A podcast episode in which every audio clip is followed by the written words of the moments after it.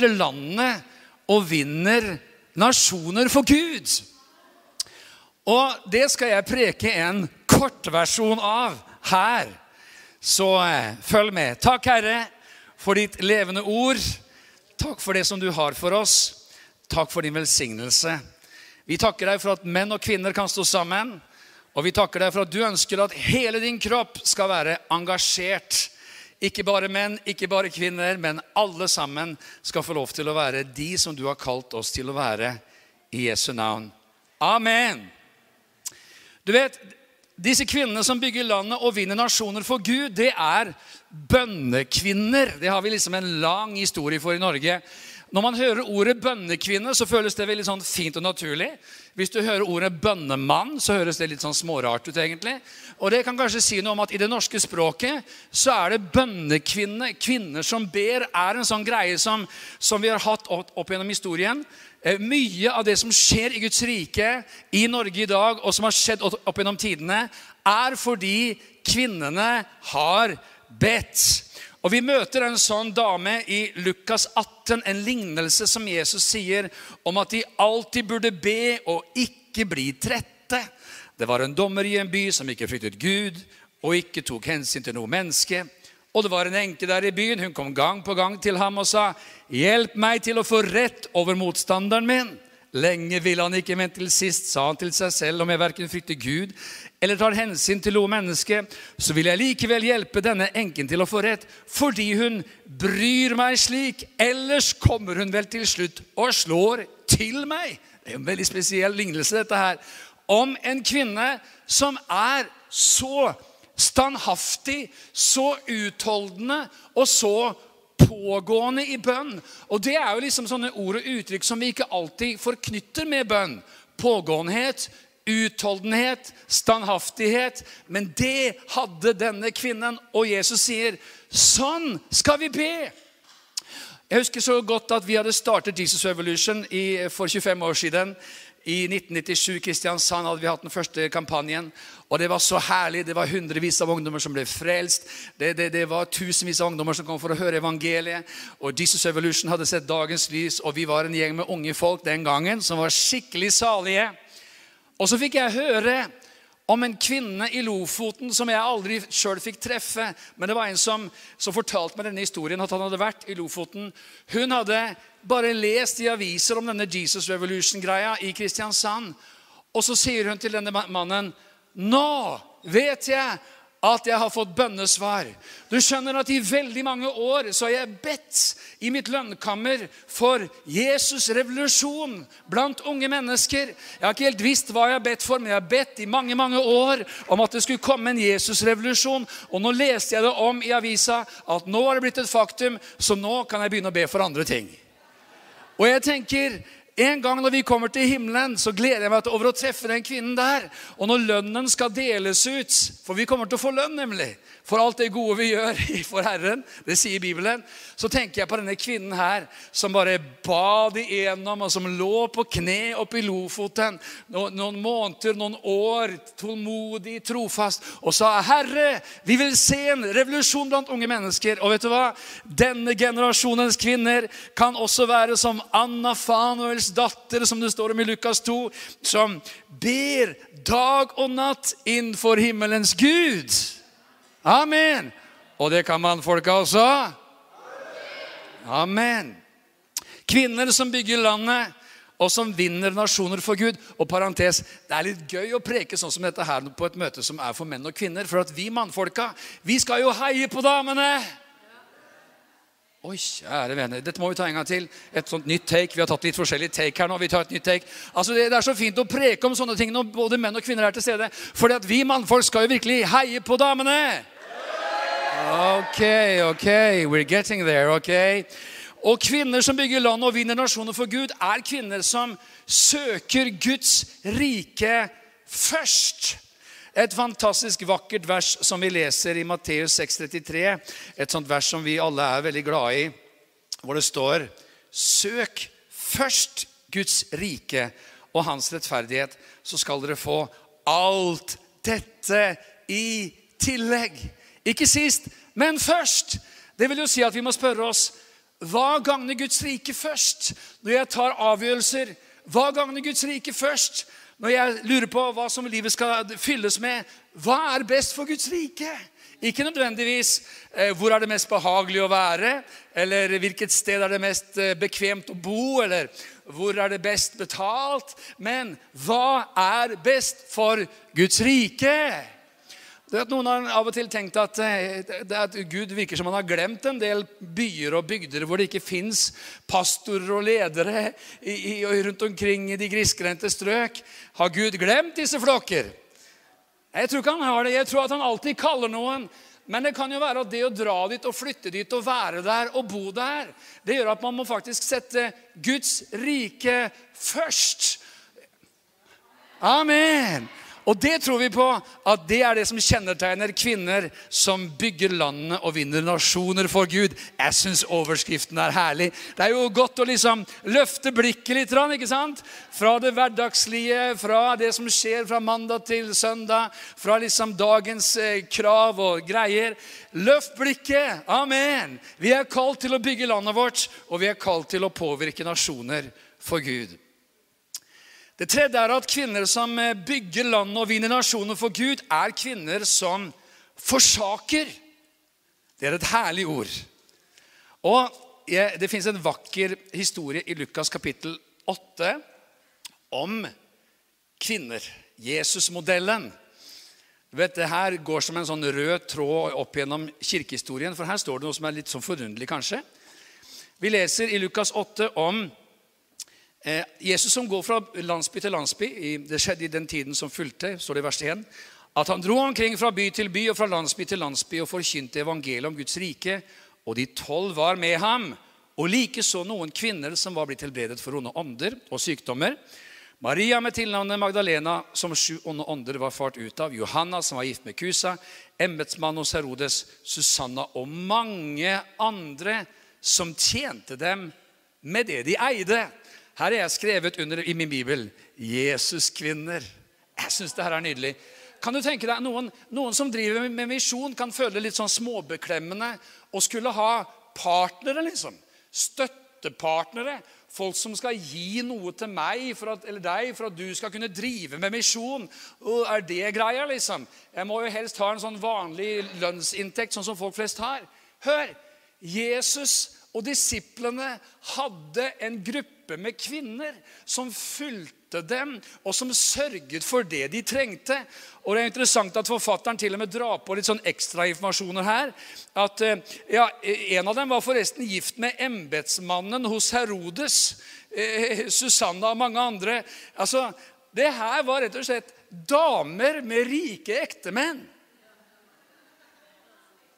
Vi vet jo ikke liksom alle detaljer. Vi kan jo bruke litt fantasi her ikke sant? i forhold til eh, embetsmannen Herodes. Kanskje det var Herodes finansminister.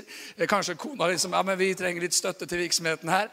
Altså, Jeg syns det er nydelig å tenke at det, det, å gi tiende, det å gi hellige gaver, det å være en giver, er noe som virkelig har kjennetegnet disse Jesuskvinnene gjennom alle tider.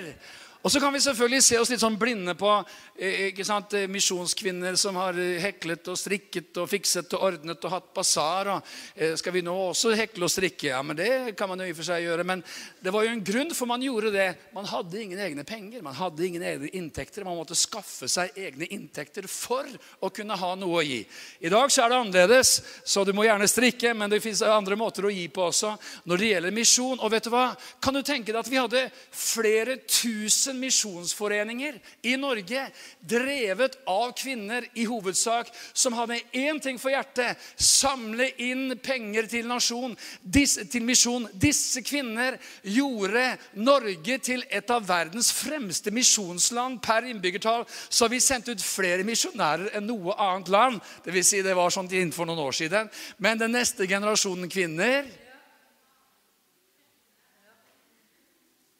kan ta stafettpinnen. Hva? Og forsake for Guds rike. Halleluja. Amen. Slå opp med meg i Salme 68 og vers 12. Det er nemlig sånn at kvinner som bygger landet og vinner nasjoner for Gud, er kvinner som taler, som forkynner. Päivi Resenen er blitt årets Jesuskvinne. En kvinne som taler, som ikke er redd, som ikke skammer seg, men som er tydelig, trygg, varm, kjærlig, og som reiser et flagg i Finland i disse dager i en av de mest spesielle rettssaker i vår generasjon. Det er en måte å forkynne på. Men hva står det her i, i Salme 68, vers 12? Det står Herren gir sitt ord, og stor er skaren av kvinner. Det er så vakkert. Som kommer med gledesbud. Jeg har en eh, eh, hadde, får vi jo si det, men min mormor hun het Tora Amalie Myreng. Hun var fra, fra Spangreid utenfor Lyngdal. Og når hun var sånn 21, eller noe sånt, så kjente hun kallet til å reise ut og forkynne evangeliet til jordens ytterste ende. Så hun dro til Finnmark. Og Der reiste hun rundt vet du, med sin gitar og forkynte evangeliet og hadde vekkelsesmøter. Og Så traff hun en, en, kar som het Arvid, som skulle bli min morfar. Og du vet, Det er noe herlig å tenke på det der. At, at Gud han trenger så mange til å preke.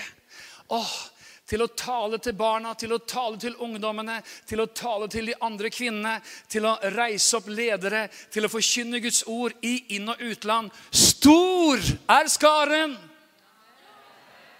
Stor er skaren! Amen! Vi kan jo liksom ikke ha en liten håndfull eller to av damer som preker. Vi må ha mange.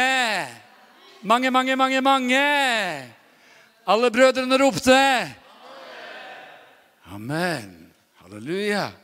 Ja Det blir litt sånn oppstand, blir det ikke det? Når Den hellige ånd uttydes i Apostelens gjerninger 2. Det blir full, full, full oppmerksomhet i Jerusalem. Og hva er det egentlig Peter står fram og sier? Han sier, 'Dette er det som er sagt ved profeten Joel', sier Apostlenes gjerninger 2,16. Var det bare det at de talte i tunger? og nye språk som skapte oppstanden. Nei, det var oppfyllelsen av det som skjer i vers 17. Joels profeti fra århundrer tidligere. Det skal skje i de siste dager, sier Gud. Da vil jeg utgyde av min ånd over all kjød. Deres sønner og deres døtre skal tale profetiske ord. Deres unge menn skal se syner, og de gamle blant dere skal ha drømmer. Vet, noen har misforstått og sagt at den kristne troen er kvinneundertrykkende. Man kan ikke komme lenger unna sannheten. Opp gjennom tidene så har evangeliet om Kristus forløst kvinner. Og Hvis du leser apostelens gjerninger, så ser du det overalt. At det er et uttrykk som går igjen. De fornemme kvinnene kom til tro. Lydia, Purpurkemmersken, forretningskvinnen fra Filippi, kommer til tro. Damaris på Areopagos kommer til tro. Lista er lang på fornemme kvinner som kommer til tro. Hvorfor det? For når evangeliet gikk ut, så sier Paulus der han kommer og forkynner Nå er det ikke lenger mann eller kvinne eller trell eller fri eller, eller, eller barbars, eh, jøde eller greker. Nå er alle ett i Kristus. Evangeliet er kvinnefrigjørende i ordets aller beste forstand. Og det som skjer, er at Jerusalem plutselig fylles av kvinner som har blitt fylt av ånden, og som taler ordet. Og Jerusalem er i sjokk. Virker som om verden fortsatt er i sjokk, egentlig. Par tusen år seinere. Kvinner som bygger landet, og som vinner nasjoner for Gud, er selvfølgelig kvinner som misjonerer. Et herlig ord og uttrykk, hva? Vi finner en av disse som heter Priskilla i Apostelens gjerninger 18, sammen med mannen sin. Så leser vi om, om denne herlige kvinnen. Um, Deretter dro han fra Aten og kom til Korint, står det i vers 1. Der traff han en jøde som het Akvillas og var født i Pontus. Han var nylig kommet fra Italia med sin kone Priscilla. Fordi Claudius hadde påbudt at alle jøder skulle forlate Roma, dem ga han seg i lag med. Og fordi de hadde samme håndverk, ble han hos dem og arbeidet. De var teltmakere av yrke. Og Så ser man da videre i kapittel 18 om hvordan Apollos eh, kommer til tro, eller de kommer i berøring med Apollos, som var opplært i Herrens vei. Men Priskilla og Akvilla, står det i vers 20, hadde hørt ham, de ba ham til seg og la Guds vei ut nøyere for ham. Apollos hadde noen huller i sin teologi, men Priskilla og Akvillas ga han Guds ord. Og hør på det her. Åh, Vi har hatt sendingssøndag i dag, og Anne har jo allerede annonsert at det her er en farlig søndag. Amen. Vi var i kjelleren vår og ba for en tid siden. Og så ber Anne en bønn som jeg aldri har henne, hørt henne be noen gang. Her er det en spesiell bok du vil vi skal lese akkurat nå. Så led oss. Og jeg bare gjør sånn. Og vi har noen tusen bøker der, så jeg tar en bok i blinde og drar ut Dagmar Engstrøms livshistorie. 25-åringen som eh, ble døpt i Den hellige ånd under pinsevekkelsens første dager i denne byen i 1906. Det kommer folk fra hele Europa for å bli døpt i, Den hellige ånd. Det kommer en delegasjon fra Tyskland. Og Dagmar får tunger i, tungebudskap i tysk. Og de går bort til henne og sier, 'Å, kan du tysk?' 'Nei, nei, jeg bare snakka ut disse ordene jeg fikk, disse rare ordene.' De sier til Tebe Barrat, 'Dere må komme og hjelpe oss. Vi må se pinsevekkelse i Tyskland.' Løsningen var enkel. Dagmar Engstrøm, som hadde fått tunger på tysk, hun fikk dra. Dagmar Engstrøm preker evangeliet i Hamburg på en prestekonferanse. Og det er seigt. Veldig, veldig seigt. Det går trått.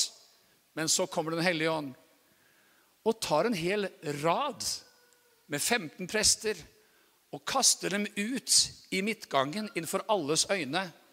Og når de treffer bakken, så taler alle prester høylytt i tunger. Der kom gjennombruddet. Siden var det åpent for Dagmar Engstrøm i Tyskland. Og man sitter og leser og tenker Wow! Vi vil ha mer! Vi vil ha mer av alt Gud er, og alt Gud har. Amen. Pinnsilden gikk videre gjennom Dagmar Engstrøm og Agnes Telle til Sveits og til flere andre land. De dro videre over til Storbritannia, kom opp til Sunderland. Der kom det en forsagt rørlegger på møtet som eh, ønsket å bli fylt med Den hellige ånd, som het Smith Wigglesworth. Og Dagmar Engstrøm og gjengen ber for han, og han blir fylt med Den hellige ånd og taler med nye tunger. Kan du tenke deg hva som skjer når kvinner sendes ut? Amen. Kvinner som bygger landet og vinner nasjoner for Gud, det er også forretningskvinner.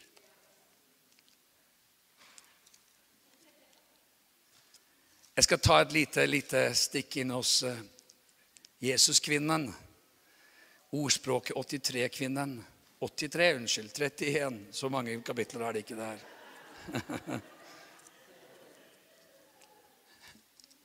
Hva står det om henne? Jeg syns det er vakkert. Ordspråkene 31, vers 16. Hun tenker på en mark, altså en eiendom, og får tak i den. For det hun tjener med sine hender, planter hun en vingård. Hun binder opp om seg med kraft og gjør sine armer sterke. Hun merker at det går godt med hennes arbeid.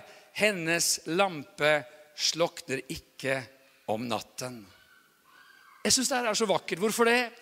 Jo, fordi vi ofte har et så stereotypt bilde av hvordan man kan bli brukt av Gud, og hvordan Gud kan bruke kvinner, og hva Bibelen sier om kvinner. Og kjære broder, det kan jo være at din hustru er et forretningstalent av dimensjoner som du skal få lov til å backe opp og velsigne.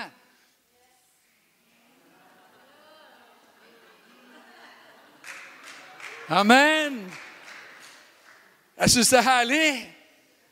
Du vet, hør på det her. Gud, skaperen av alle ting, bor i oss. Den mest kreative kraft som er universet, er plassert inni våre hjerter. Det er så vakkert. Så tenk større. Amen. Tenk videre. Tenk bredere. Forretningskvinner bygger land og vinner nasjoner for Gud. Punkt nummer seks er kvinner som leder. bygger landet og vinner nasjoner for Gud. Kan kvinner lede? Vel, Bibelen er fullt av denne, disse eksemplene. Hva skjer når Israel er undertrykket? I Dommerboken 4 så leser vi om Debora, som Herren reiser opp. Det er jo nydelig. Hva skjer når eh, det er fortvilelse og frafall i Israels folk? Jo, vi leser om en dame som veldig få faktisk har hørt om. Det er litt for galt, egentlig, men vi skal ta en liten sving innom henne. Det står om henne i 2. krønikerbok, kapittel 34. Det er så stort frafall i Israels folk at hele tempelet er neddynget av greier. Og så skjer det noe sjokkerende. De finner Guds ord.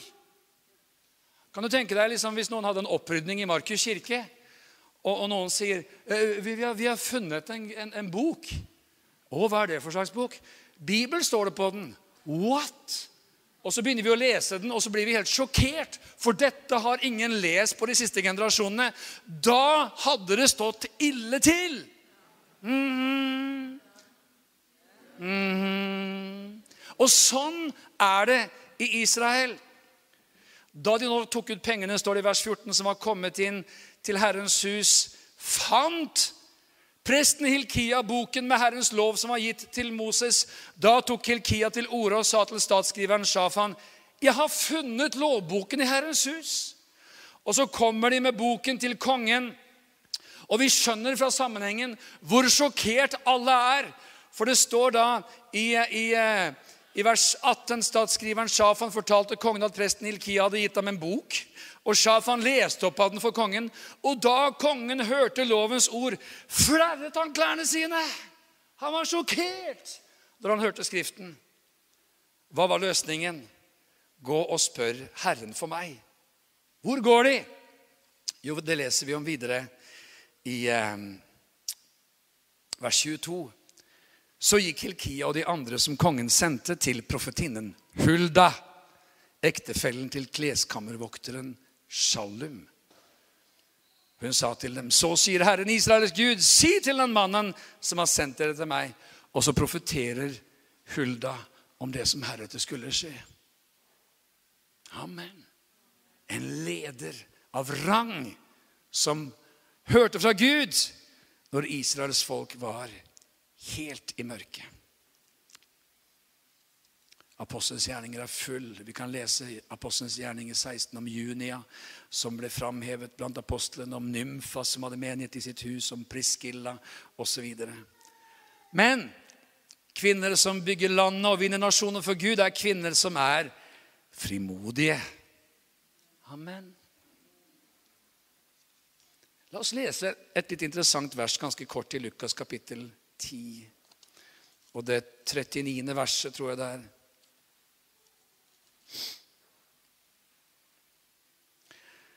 Det står om Maria som satte seg ved Jesu føtter og lyttet til hans ord.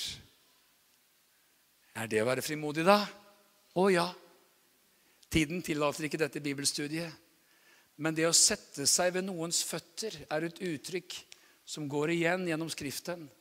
Paulus står det 'satt ved Gamaliels føtter'. Med andre ord, hun sier med dette, 'Du er min rabbi, og jeg er din disippel'. Men dette var på den tiden utelukkende for menn. Gud trenger frimodige kvinner. Amen! Halleluja.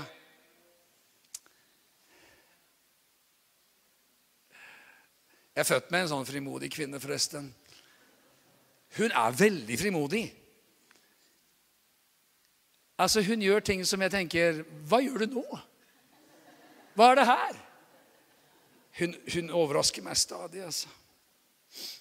På alle plan. Ikke bare å forkynne evangeliet, men en sånn mulighetstenker.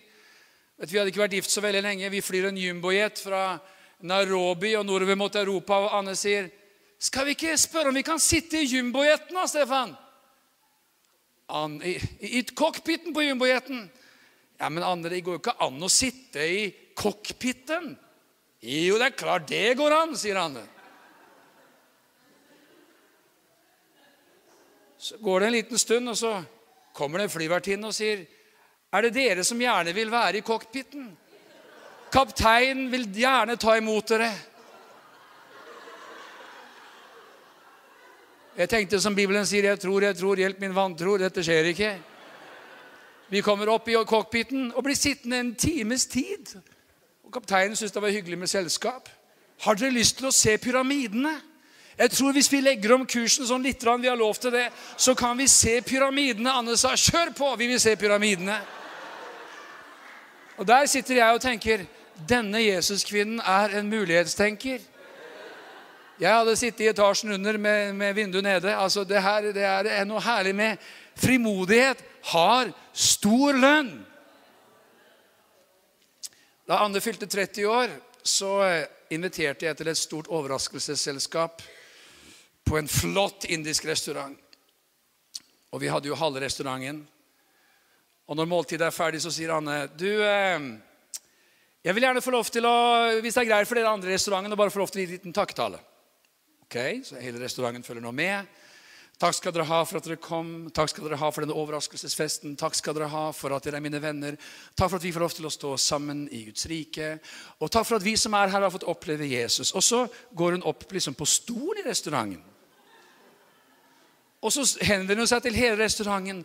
Og kjære restaurant, jeg har fått oppleve Jesus. Det er fantastisk. Det opplever jeg. Det vil jeg oppfordre dere alle om å gjøre. Og jeg sitter og tenker det her skjer ikke. Vi er en restaurant. Vi er på en indisk restaurant. This is not happening. It's not for real. Og så kan jo noen gjøre det, det, der, ikke sant? og det blir bare det kleineste i verden. ikke sant? Det blir bare som helt, Vær så snill. Men når Anne setter seg ned, så klapper hele restauranten. Wow! Wow! Og eieren for restauranten sier, 'Kan ikke dere være så snill å komme tilbake så fort som mulig?' 'Ta med dere hele gjengen.' Dette var jo fantastisk. Da skjønner du at det er Den hellige ånd. Frimodighet har stor lønn. Et par ting til slutt. Kvinner som bygger land og som vinner nasjoner for Gud, er kvinner som overfører, som gir videre sin tro. Og Vi kjenner til dette verset som, som eh, fins i 2. Timoteus kapittel 1. og Der fins det en ting som vi ofte ikke tenker på. For det står i vers 5.: Jeg er blitt minnet om din oppriktige tro, den som bodde først i din mormor Louise og i din mor Aunike, og som jeg er viss på også bor i deg. Hør! Hvis det ikke hadde vært en overføring fra Louise og Aunike så hadde det ikke vært noen Timoteus. De overførte troen. De ga videre. Og dette var jo da en kvinne som kanskje ikke hadde en ektemann som delte troen heller. Men troen ble overført til neste generasjon. Og det ser vi jo så vakkert beskrevet også i Titus kapittel 2 og vers 4, hvor det står om kvinnene at de skal lære de unge kvinnene til å elske sine menn der kom amenet. Der kom det. Der kom amenet. Endelig kom det. Der kom et mannlig amen helt uoppfordret. Der. Ja, Det står 'legg vind på opplesning av Skriftene'. Det er helt klart, altså. Lære de unge kvinnene til å elske sine menn og sine barn. Du skjønner, Det er det som har skjedd her i helgen, brødre. De har liksom fått et eget kurs her nå, hvordan de skal elske sine menn. Det er veldig, veldig bra. Er det rart vi er glad i Jesus, kvinner? Hallo! Kvinner som bygger land og vinner nasjoner for Gud, er rene kvinner. Amen. Og vi lever i en så rar tid, en så merkelig tid, hvor kvinner igjen trenger å oppdage hva renhet er. Det står nemlig i 1. Peter kapittel 3 og vers 1 eh, så står det om at de som skal bli vunnet, eh, de som har vantro mot ordet, skal bli vunnet uten ord ved kvinnens livsførsel. Når de ser deres rene liv i Guds frykt. Amen. Nå hopper jeg sånn inn i sånn mannskonferansegir et lite sekund her. Men det fins jo 100 000 prekener om David som faller i synd. Men hva i alle dager gjør Batseba på taket? Ikke der du skal bade, dame. Det er jo ingen som bader på et tak. Hallo! Men vi går raskt ut av Guds mann. Vi går over til å oppmuntre kvinnene. Til slutt Kvinner som bygger landet og vinner nasjonen for Gud, er kvinner som bygger familien.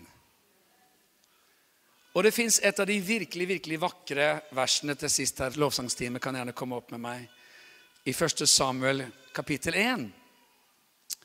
Hanna, som bar på en så stor nød for Israel, for tilstanden i hennes folk, og som virkelig hadde en stor byrde. Og så kjenner vi til historien om at hun ber, hun er barnløs. Gud griper inn, gjør et under. Hun føder Samuel.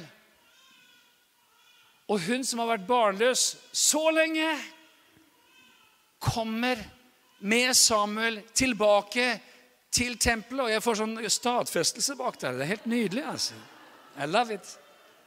Og da sier Hanna i kapittel 1, vers 27.: Denne gutten var det jeg ba om, og Herren har gitt meg det jeg ba ham om. Hør på det her, da. Nå gir jeg ham tilbake til Herren for hele hans levetid. For det var for Herrens skyld jeg ba, ham, ba om ham, og de tilba Herren der. Er ikke det vakkert? Å se hennes store hjerte. Hun tenkte min familie, mine barn, de tilhører Jesus, alle sammen. Nå har du gitt meg mitt bønnesvar, og nå gir jeg dette videre til deg. Skal vi reise oss opp, alle sammen? Ikke sikkert du husker alle ti punktene, men eh, vi tror virkelig at Gud vil reise opp en ny generasjon med kvinner i landet. Generasjoner som står sammen. Og alle som tenker 'Når kommer prekena til Kara?' Den kommer på Guds mann i november. En hel serie av de.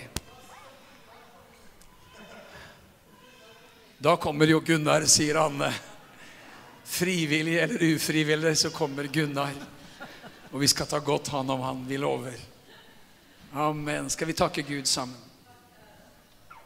Herre, vi priser og lover deg. Vi takker deg. Takk for at vi får lov til å samles innenfor ditt ansikt. Takk for denne spesielle søndagen. Takk for den du er. Takk for alt det du har for oss. Herre, vi tror at dette er evangeliets beste tid. Vi tror ikke at ditt rike skal gå tilbake. Vi tror ikke at din menighet skal gå ned. Vi tror ikke at etter en lang pandemi med så mye tørke og så mye som har vært annerledes, så har du et svar, så har du håp, så har du liv, så har du tro for oss. Og jeg takker og priser deg for hvert eneste menneske som er her. Du er den som kjenner alles hjerter. Du er den som kjenner alles tanker. Og det kan jo til og med være at du har kommet hit på denne spesielle søndagen med I love my church og, og, og alle budskap du har hørt, og vitnesbyrd og Sending Sunday og alt sammen. Men, men så har ikke du fred med Gud i ditt hjerte. Og hvis det er din situasjon, at du ikke vet om du er på vei til himmelen, fordi Jesus Kristus ikke er din Herre og Frelser, så skal vi akkurat nå la alle andre ting vente. Og så skal vi vende oss til deg og si, vet du hva? Hvis du trenger å komme til Jesus og si ja til han, det kan jo også være at du ser på sendingen her, der du sitter hjemme, så har jeg lyst til å si, hver og en som kaller på Jesu navn, skal bli frelst. Og hvis du trenger å få din sak i orden med Gud, om du ikke vet om du er på vei til himmelen, om du ikke vet at Jesus er din Herre, Enten du aldri har vært en kristen før, eller du er en som trenger å komme tilbake til Jesus, så ber jeg om at du rekker opp hånden din hvis du sier 'Be for meg, jeg trenger fred med Gud'. Jeg trenger å få fred med Gud i mitt hjerte. Jeg trenger å vite at jeg er på vei til himmelen. Er det noen her inne som sier 'Vet du hva, jeg trenger Jesus i livet mitt'. Jeg trenger å komme til Han. Så rekk opp din hånd. Gud velsigne deg. Er det noen flere? Så rekk opp hånden din, du også. Øyeblikket her er det viktigste. Gud velsigne deg også, som vi har i møtet her. Er det noen til som sier, be også for meg. Jeg trenger å ta imot Jesus som min Herre og min Frelser. Så kan du også løfte hånden din opp, så skal vi be sammen. Amen. Det vi skal gjøre nå, er at vi skal ta oss og kalle på Jesu navn. For det er det Bibelen sier, at hver den som kaller på Jesu navn, skal bli frelst. Og, og nå kan vi få opp denne bønnen, denne trosbekjennelsen på skjermen her, så skal vi ta oss og bekjenne vår tro sammen, alle sammen. Og du som ber denne bønnen, for å komme tilbake til Jesus, be den fra ditt hjerte som en bekjennelse på at Jesus Kristus er din frelser og din Herre. La oss be alle sammen. Jeg tror på Gud Fader, den allmektige, himmelens og jordens skaper. Jeg tror på Jesus Kristus, Guds enbårne sønn, vår Herre, som ble unnfanget ved Den hellige ånd, født av jomfru Maria, pint under Pontius Pilatus, korsfestet, død og begravet, for ned til dødsriket, sto opp fra de døde tredje dag. For opp til himmelen, sitter ved Guds den allmektige Faders høyre hånd. Skal derfra komme igjen for å dømme levende og døde. Jeg tror på Den hellige ånd, en hellig allmenn kirke, de hellige samfunn, syndenes forlatelse, legemets oppstandelse og det evige liv. Amen.